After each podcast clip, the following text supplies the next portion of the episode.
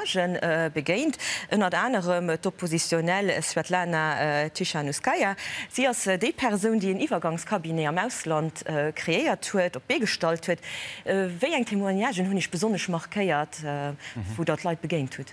Also se sel wurden im starken Themaage Anch war hier Mann des Herr Getichanowski, de war Kandidatfeben an den Präsidentschaftswahlen 2020 gin Lukaschenka unzetreten. Ich so iwwen Lukaschenka, weil dass die Belarussisch aderweis fir ze soen Lukaschenka Lukaschenko als eng Russisch allerweis für auszudrücken. Und das hin ganz wichtig, dass eben Belarus net verwisselt gibt man Russland. Das weiß Russland wat kennt schon wieder zu feiern, dass sie mengt wären Deel du vu negrate Belarussen, die fortgelaufen sind aus ihrem Land fortlaufen hun missen so das ganz klar, dass man ënnerschemänschen Russland wat der man den Aggressorstaats an eben Eiserkulturen äh, den der belarussischer Kultur.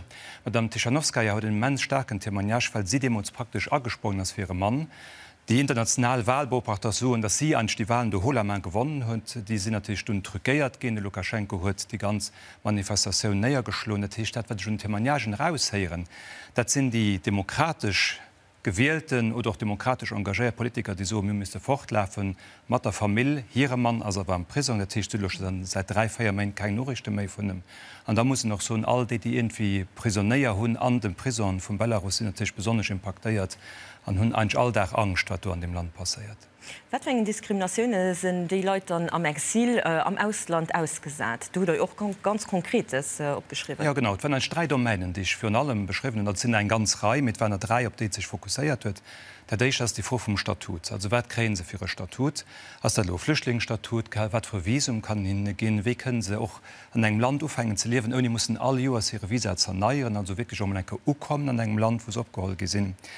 Du musst zum Beispiel an dem Kontext so gehen ein ganz Reihe Belarussen, den ihre Pass lebt of oder aus von einer Vollzeit sind alle gute voll. Also sie können nicht bei hier Land gehen also wann Schrift gibt man neue Pass Tisch sein von den ganz große Frohen am rapport gödet eng Meket fir Passen auszustelle fir Belarussen am Exil, ohne das